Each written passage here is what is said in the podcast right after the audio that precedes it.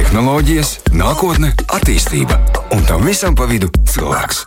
Aktuālākie zinātnīs jaunumi - rītdiena īsumā. Izrādās, Artur, tur neesi tikai hologramma. tu var, tev, var, tev var arī pieskarties, tev var paspiest roku. Arturs Bernovskis, dāmas un kungi, ir. Jā, Latvijas radio 5,5 LV studijā pēc ilgiem laikiem atkal dzīves un uh, sveiks un vesels. Jā, sveiks un vesels. Čau, Tom! Čau! Uh, šodien viens neesi atnācis. Šodien neesmu viens, šodien mums ir viesis, un uh, šodien mēs runāsim par tēmu, kas, nu, jā, nu, laikam, katram ir aktuāli par apģērbu. Uh, Tom, jā.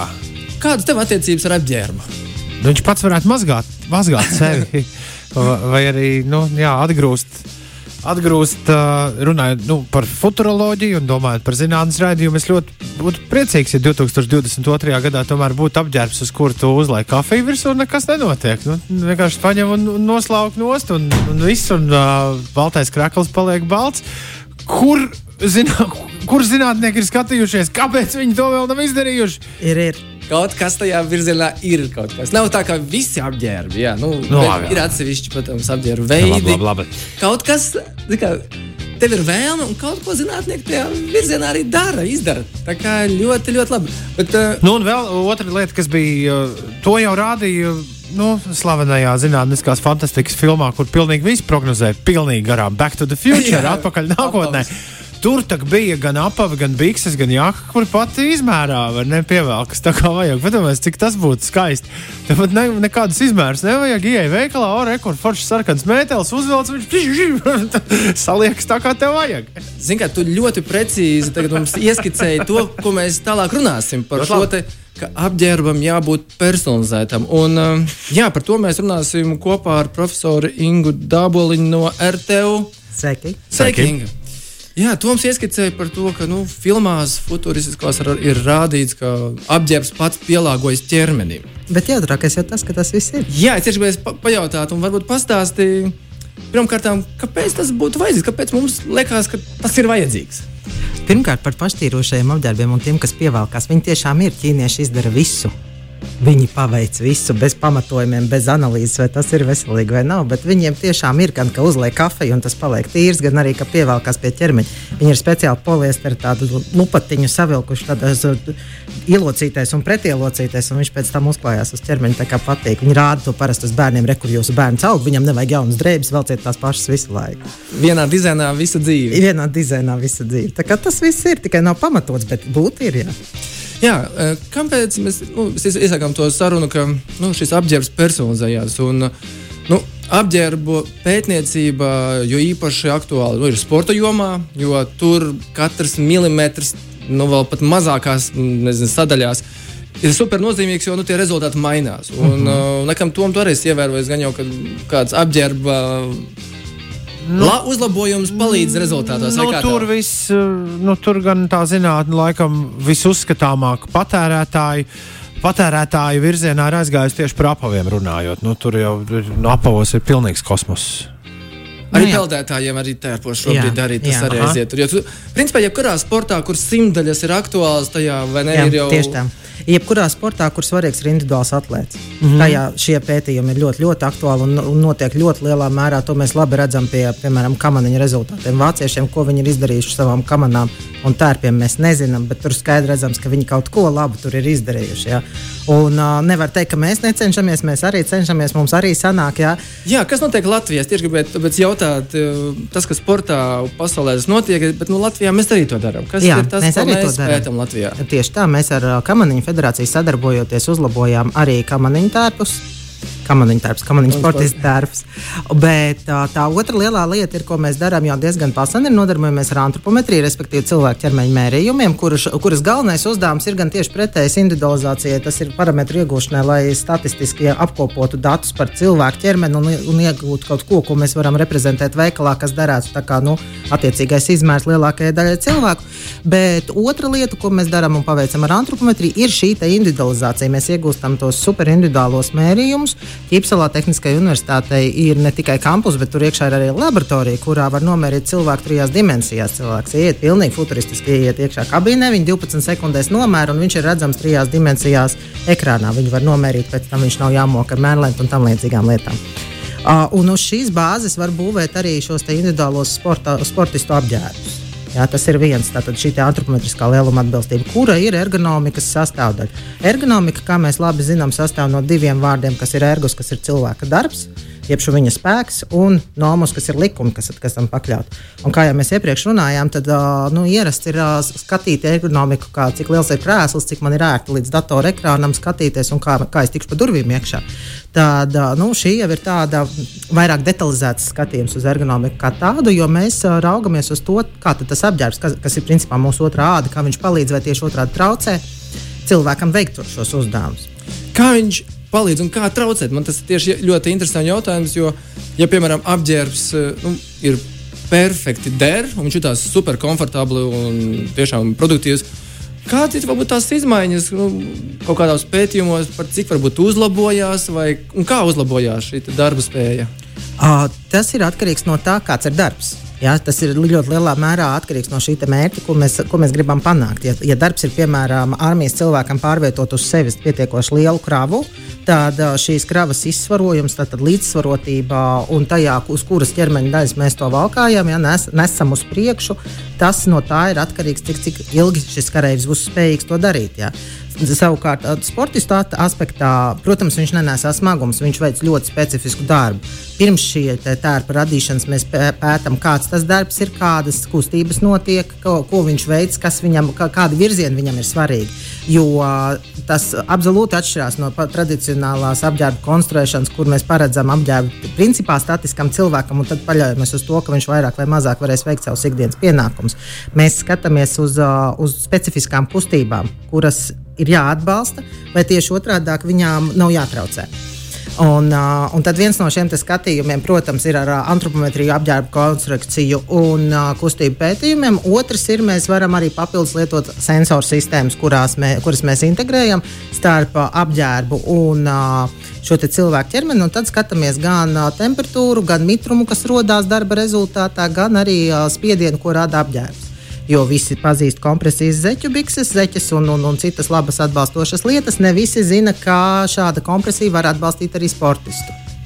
Un šeit jau mēs varam pieskarties ne tikai tiem sportistiem, kuri ir uh, individuāli atlēti, bet arī komandas sportos. Kā mēs zinām, basketbolisti ļoti bieži pavelk apakšā zem tā plīvojošā uniformas apģērba kaut ko stingrāku. Ja? Tas viņu lielākoties vai nu silda, vai nu atbalsta, vai palīdz veikt kustības. Ja? Tad neiziet, piemēram, no rāmjiem kādai no locītavām, kas varbūt ir traumēta.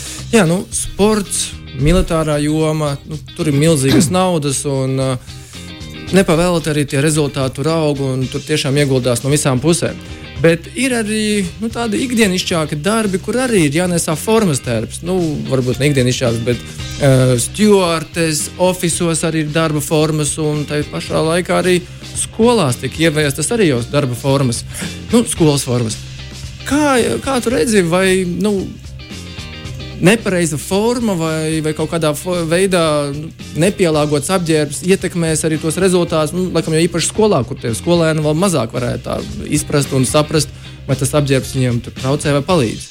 Nu jā, skolas uniforma ir ļoti specifisks jautājums, jo skolas uniformai līdztekus tam, ka tie valkātāji ir bērni, kuriem diezgan maz parasti rūp, kāds apģērbs būs vakarā, atšķirībā no tā, kāds viņš bija no rīta.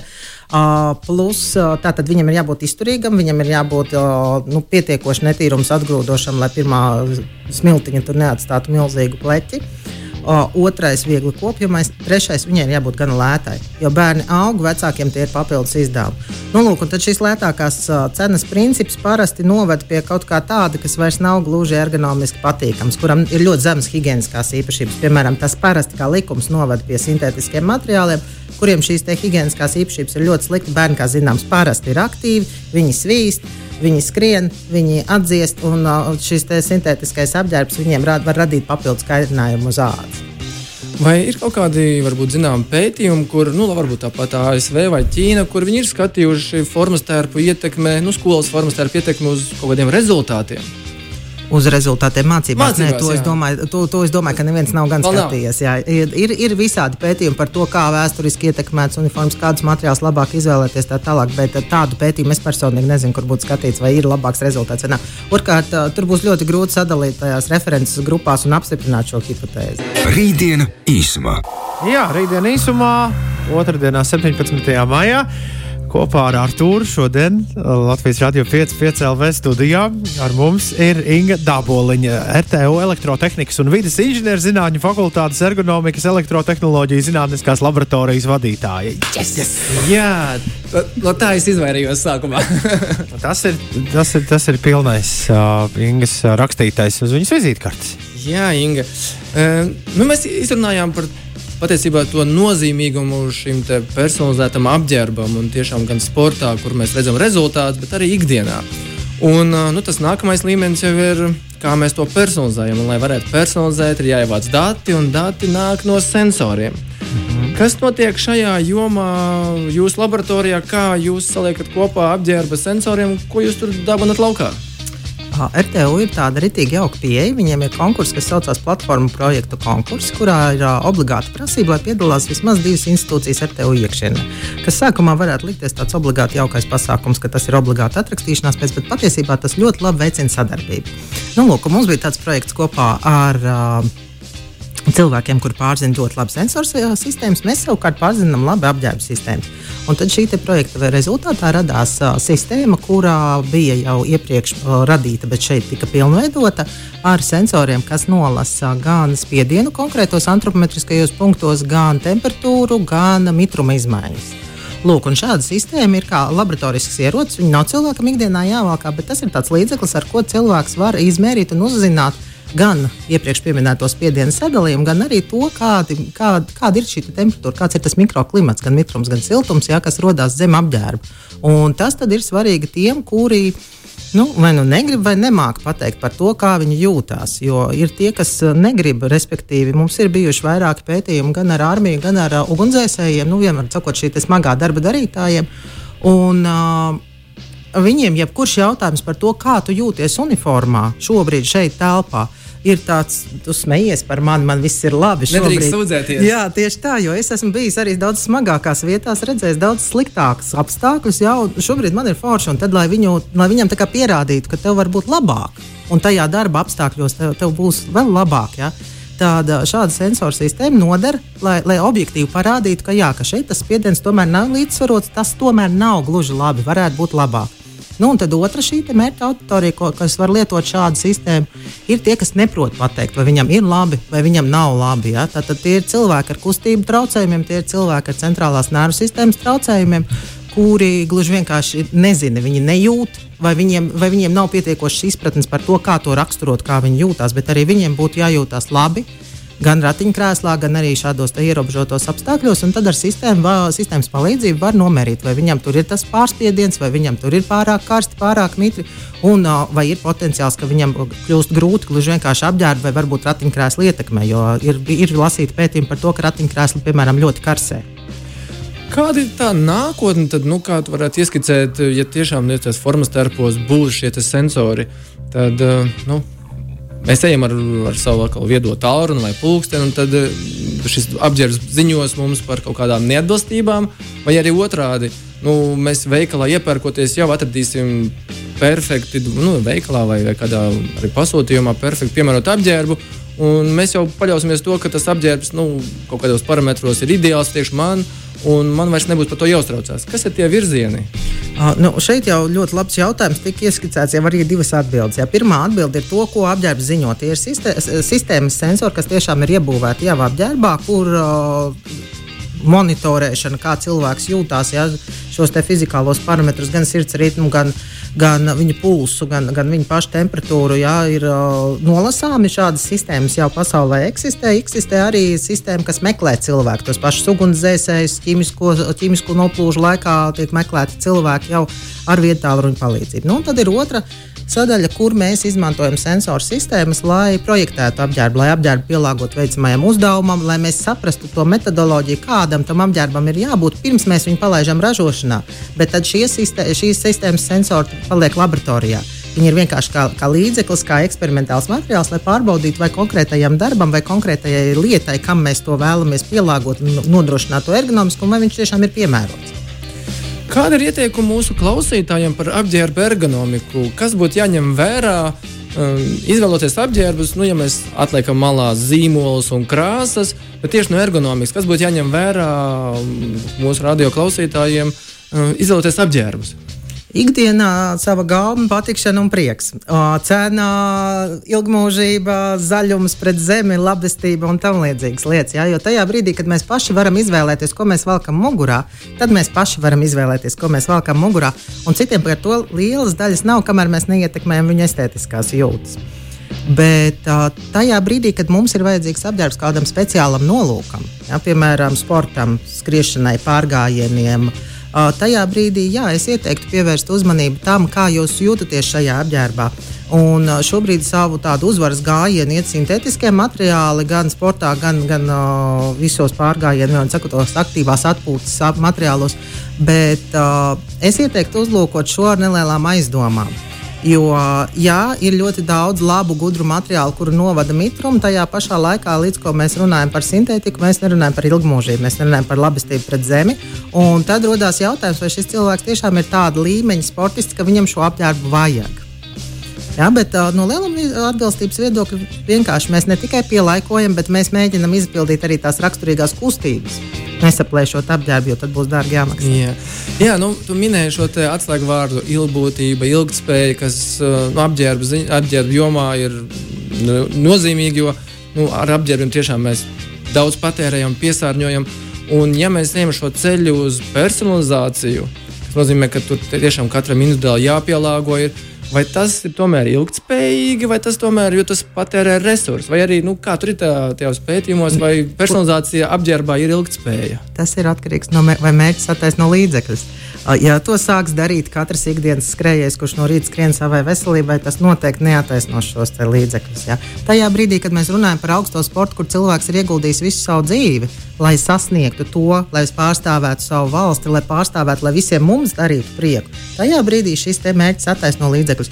Turklāt es nedomāju, ka ir pārsteigums, ka mūsu sportisti un mūsu sporta industrija, ja tā to var nosaukt, arī nav milzīgi bagāti. Un tas veicina ilgmūžību un tādu labbūtīgo zaļo domāšanu jo viņi tos arī savus individualizēti pielāgotos darbus tik un tā nodod nākamajām paudzēm vienkāršajiem treniņiem. Jā, līdz ar to mūsu sportisti ir labi zēni. Jā, nu, vēl viens virziens apģērbiem, kur mēs varbūt tā mazāk pieskaramies un ikdienā runājam, ir dzīvnieku apģērbi, apģērbi dzīvniekiem. Un es zinu, ka ir tāds um, thundershirt, uh, tāds krekls suņiem, uh, kas ir nu, piemērots tiem apstākļiem, kad ir zibeņi, negaisa, un tad viņi to apģērbu uzvelk, un viņš jūtas drošāk.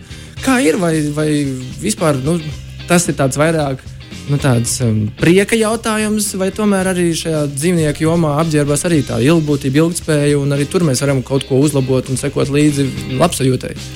Attīstot un modernizējot suņu, it īpaši mazo sunīšu sugas, mēs uh, savā ziņā mazliet aplaupam tos zvēriņus, jo mēs viņus padarām mazāk spējīgus izdzīvot apkārtējā vidē. It īpaši tas ir pavisam mazie sunīši, pavisam uh, kailie sunīši un tam līdzīgi. Un loģiski, ka mūsu ziemā tādam plikam sunītam ir augsts, protams, un viņam vajag to kažociņu. Ne tikai par uh, aizsardzību pret zibeni, pērkonu un tam līdzīgām lietām, ir vēl arī tādi apģērbi, kuros ir iebūvēti tādi asi nu, kā spaiki, tādi ieroči, lai lielie putni nesagrābtu mazo sunīti. Mm. Jā, tā kā šajā jomā, bet nu, jā, tā ir tāda ļoti naudīga un maksātspējīga joma. Jo, ja mēs pērkam to ļoti dārgo sunīti, tad mēs par viņu arī ļoti dārgi rūpējamies. Un šeit es domāju, ka neviens par ilgspēju nedomā. Nevienam neinteresē vairs ilgspēja. Viņiem vienkārši ir ļoti liels prieks, un tas arī viss. Jā, atgriežoties pie sensoriem apģērbos, kā tu redzi, kad būs tas brīdis, kad mēs nu, varētu runāt tiešām par viedajiem apģērbiem ikdienā, jo nu, viedie pulksteņi tiešām jau ja pirms gadiem. Pieciem, desmit, tas bija kaut kas tāds jauns un sekojām līdzi. Šobrīd, šobrīd tas ir vairāk kā ikdienišķs jau. Un tās cenas ir nu, tiešām pieejamas pilnīgi visiem. Kā ar apģērbiem? Minēja, ka nu, ir šie sensori, kas seko līdzi temperatūrai. Uh, Vai nu, tas arī būs tāds uh, ikdienišķa lieta, vai arī tas tomēr paliks tomēr profesionālā jomā un tikai tad, tur, kur nu, tiešām ne, nepieciešams sekot šīm detaļām? Atkal jautājums par mērķiem līdzekļiem. Jautājums ir, vai tas to sev attaisno, jo apģērbs ar iebūvētām uh, raidlietām un sensoriem, kas, kas monitorē cilvēku, ir tiešām jau diezgan sen. Uh, bet uh, acīm redzot, tas nevienam līdz galam nav vajadzīgs jo viņš nav iegājies tirgū kā, kā tāds nu, ļoti populārs produkts. Ja jūs pagūglēsiet viedo jaku, jums iedos, jūs varēsiet nopirkt, jā, jebkurš. Bet, nu, Cik bieži mēs izjūtam ikdienā vajadzību pret, pēc tā, lai man jaka pasaka kaut ko par mani? Uh, Cita lieta ir tiešām senioru, piemēram, uzraudzībai ir li specifiskas lietas, jā, piemēram, spieķī iebūvēts un tam līdzīgas. Bet uh, ar tām viedajām jakām vēl ir viena liela problēma. Visiem apģērbos iebūvētajām viedajām sistēmām ir problēma, ka viņas ir grūti pabarot. Jo mums kaut kur ir jānodrošina baterija, nākamais viņas ir grūti mazgāt. Jo elektronika mazgāt parasti ir, ir, ir jāiebūvē, tas viss uzreiz kļūst ciets un smags. Ir, protams, visādi risinājumi, bet es saku, tas, tas šobrīd es neredzu, ka tas būtu ikdienas cilvēkam ļoti vajadzīgs. Kas ir tie nākotnes varbūt, projekti, ko nu, vēlētos izanalizēt, analizēt un nu, nākt klajā ar kaut kādu vēl interesantu pētījumu nākotnē? Ir kaut kas jau stāv atvilknē, kas tiks nākotnē pētīts? Jā, stāv pilna atvilkne, bet, ja mēs runājam par sportu un it īpaši individuālo atlētu sportu, tad tur ir divas, divas liel, divi lieli mīnus pētījumiem. Pirmais, tas viss ir noslēpums, nedrīkst publicēt. Zinātnē publikācija ir ļoti svarīga lieta. Ja es nedrīkstu publicēt savus rezultātus, tad es palieku bez naudas. Un otrais, mēs neesam tik bagāti valsts, lai mani vienkārši sponsorētu sports tādēļ, vien, lai es strādātu. Jā. Bet jā, idejas ir pil pa pilnam. Ideja tiešām netrūkst. Kas ir varbūt tas, kas pasaulē šobrīd ir redzēts, dzirdēts, par ko mēs varētu runāt? Ka, nu, Tas šobrīd ir pētījumos izdarīts un kaut kādā tuvākā nākotnē, varbūt arī tālākā, bet viņi ienāks mūsu ikdienā, tādā apģērbu jomā. To gan ir ļoti grūti prognozēt, tāpēc ka atšķirībā no agrākiem laikiem, kad materiālu bija ļoti maz skaitā, pats par sevi skaitā, mēs pazinām tikai, tikai dažus sintētiskos materiālus, nu, un visu dabas materiālus, kurus mēs pazīstam joprojām. Ja, tad katrs atklājums bija tāds, nu, pasaulē populārs, visiem vajadzēja. Tad tagad katrs dara savā mazajā nišā kaut ko, un to, ko viņš ir paveicis, viņš mēģina pēc iespējas plašāk pārdot, bet tas nevienmēr izdodas, jo kāds cits savā mazajā nišā ir izdarījis vēl kaut ko, varbūt līdzīgām funkcijām, varbūt labāk, varbūt sliktāk. Ja. Ja? Līdz ar to tādu kaut kādu vienu konkrētu tendenci prognozēt ir ļoti grūti. Jā, visi iet uz to viedo, bet es saku, tur ir tādas neatrisinātas problēmas, kuras nu, vienkārši fizika neļauj atrisināt. Nu, man pats pēdējais aktuālais jautājums, vai mēs varēsim nākotnē izprintēt apģērbu sev? Mēs jau printējam apģērbu. Jā, mēs printējam apģērbu. Ir, ir ļoti, ļoti labi jau paraugi, vēl tiešām smuki, kuri kustās kā tekstils un tam līdzīgi. Jā, jā, mēs jau Tā printējam kā... apģērbu, bet atkal ir jautājums, vai to vajag? Vai to vajag? Man no malas šo visu klausoties ar tevi un daudziem citiem. Uh, jauno tehnoloģiju faniem gribas iemest tomēr to manu mīļo akmeni, tās virtuālo, virtuālo realitāšu brīļu virzienā. Jo Man liekas, ļoti forši Inga izstāstīja. Viss kaut kas ir izgudrots, bet uh, lielais jautājums, vai to vajag. Un, un tā katru gadu jūs te sēžat un gaidat, kā mēs visi tajās virtuālās realitātes brillēs staigāsim, un kā nestaigājam, tā nestaigājam. Kaut arī pasties. Viedā jaka arī jau sen ir izgudrota, ir. un viss notiek. Nu, tas tā, varbūt bet, kādam būs par ko aizdomāties. Bet vietās brilles ir ļoti labas, ja mēs gribam mācīties. Atsevišķu specifisku vidi, piemēram, medicīnā, pirmpētījums, kur, neva, kur, kur neķerās uzreiz pacientam klāt viedajās brillēs, redzēt to sajust, to, to, to virtuālo realitāti, to uh, realitāti, kurā tu jūties, kā tu esi tur iekšā. Ļoti labi lieta. Bet mm -hmm. ikdienas cilvēkam vai to vajag? Viss rītdien īsumā ir izskanējusi. Lielas paldies jums abiem, gan Ingai Daboliņai, gan arī, protams, tev ar tur. Un tiekamies pēc nedēļas. Visu labu! Čau, čau. Tehnoloģijas, nākotne, attīstība un tam visam pa vidu cilvēks. Aktuālākie zinātnes jaunumi - rītdiena īsumā.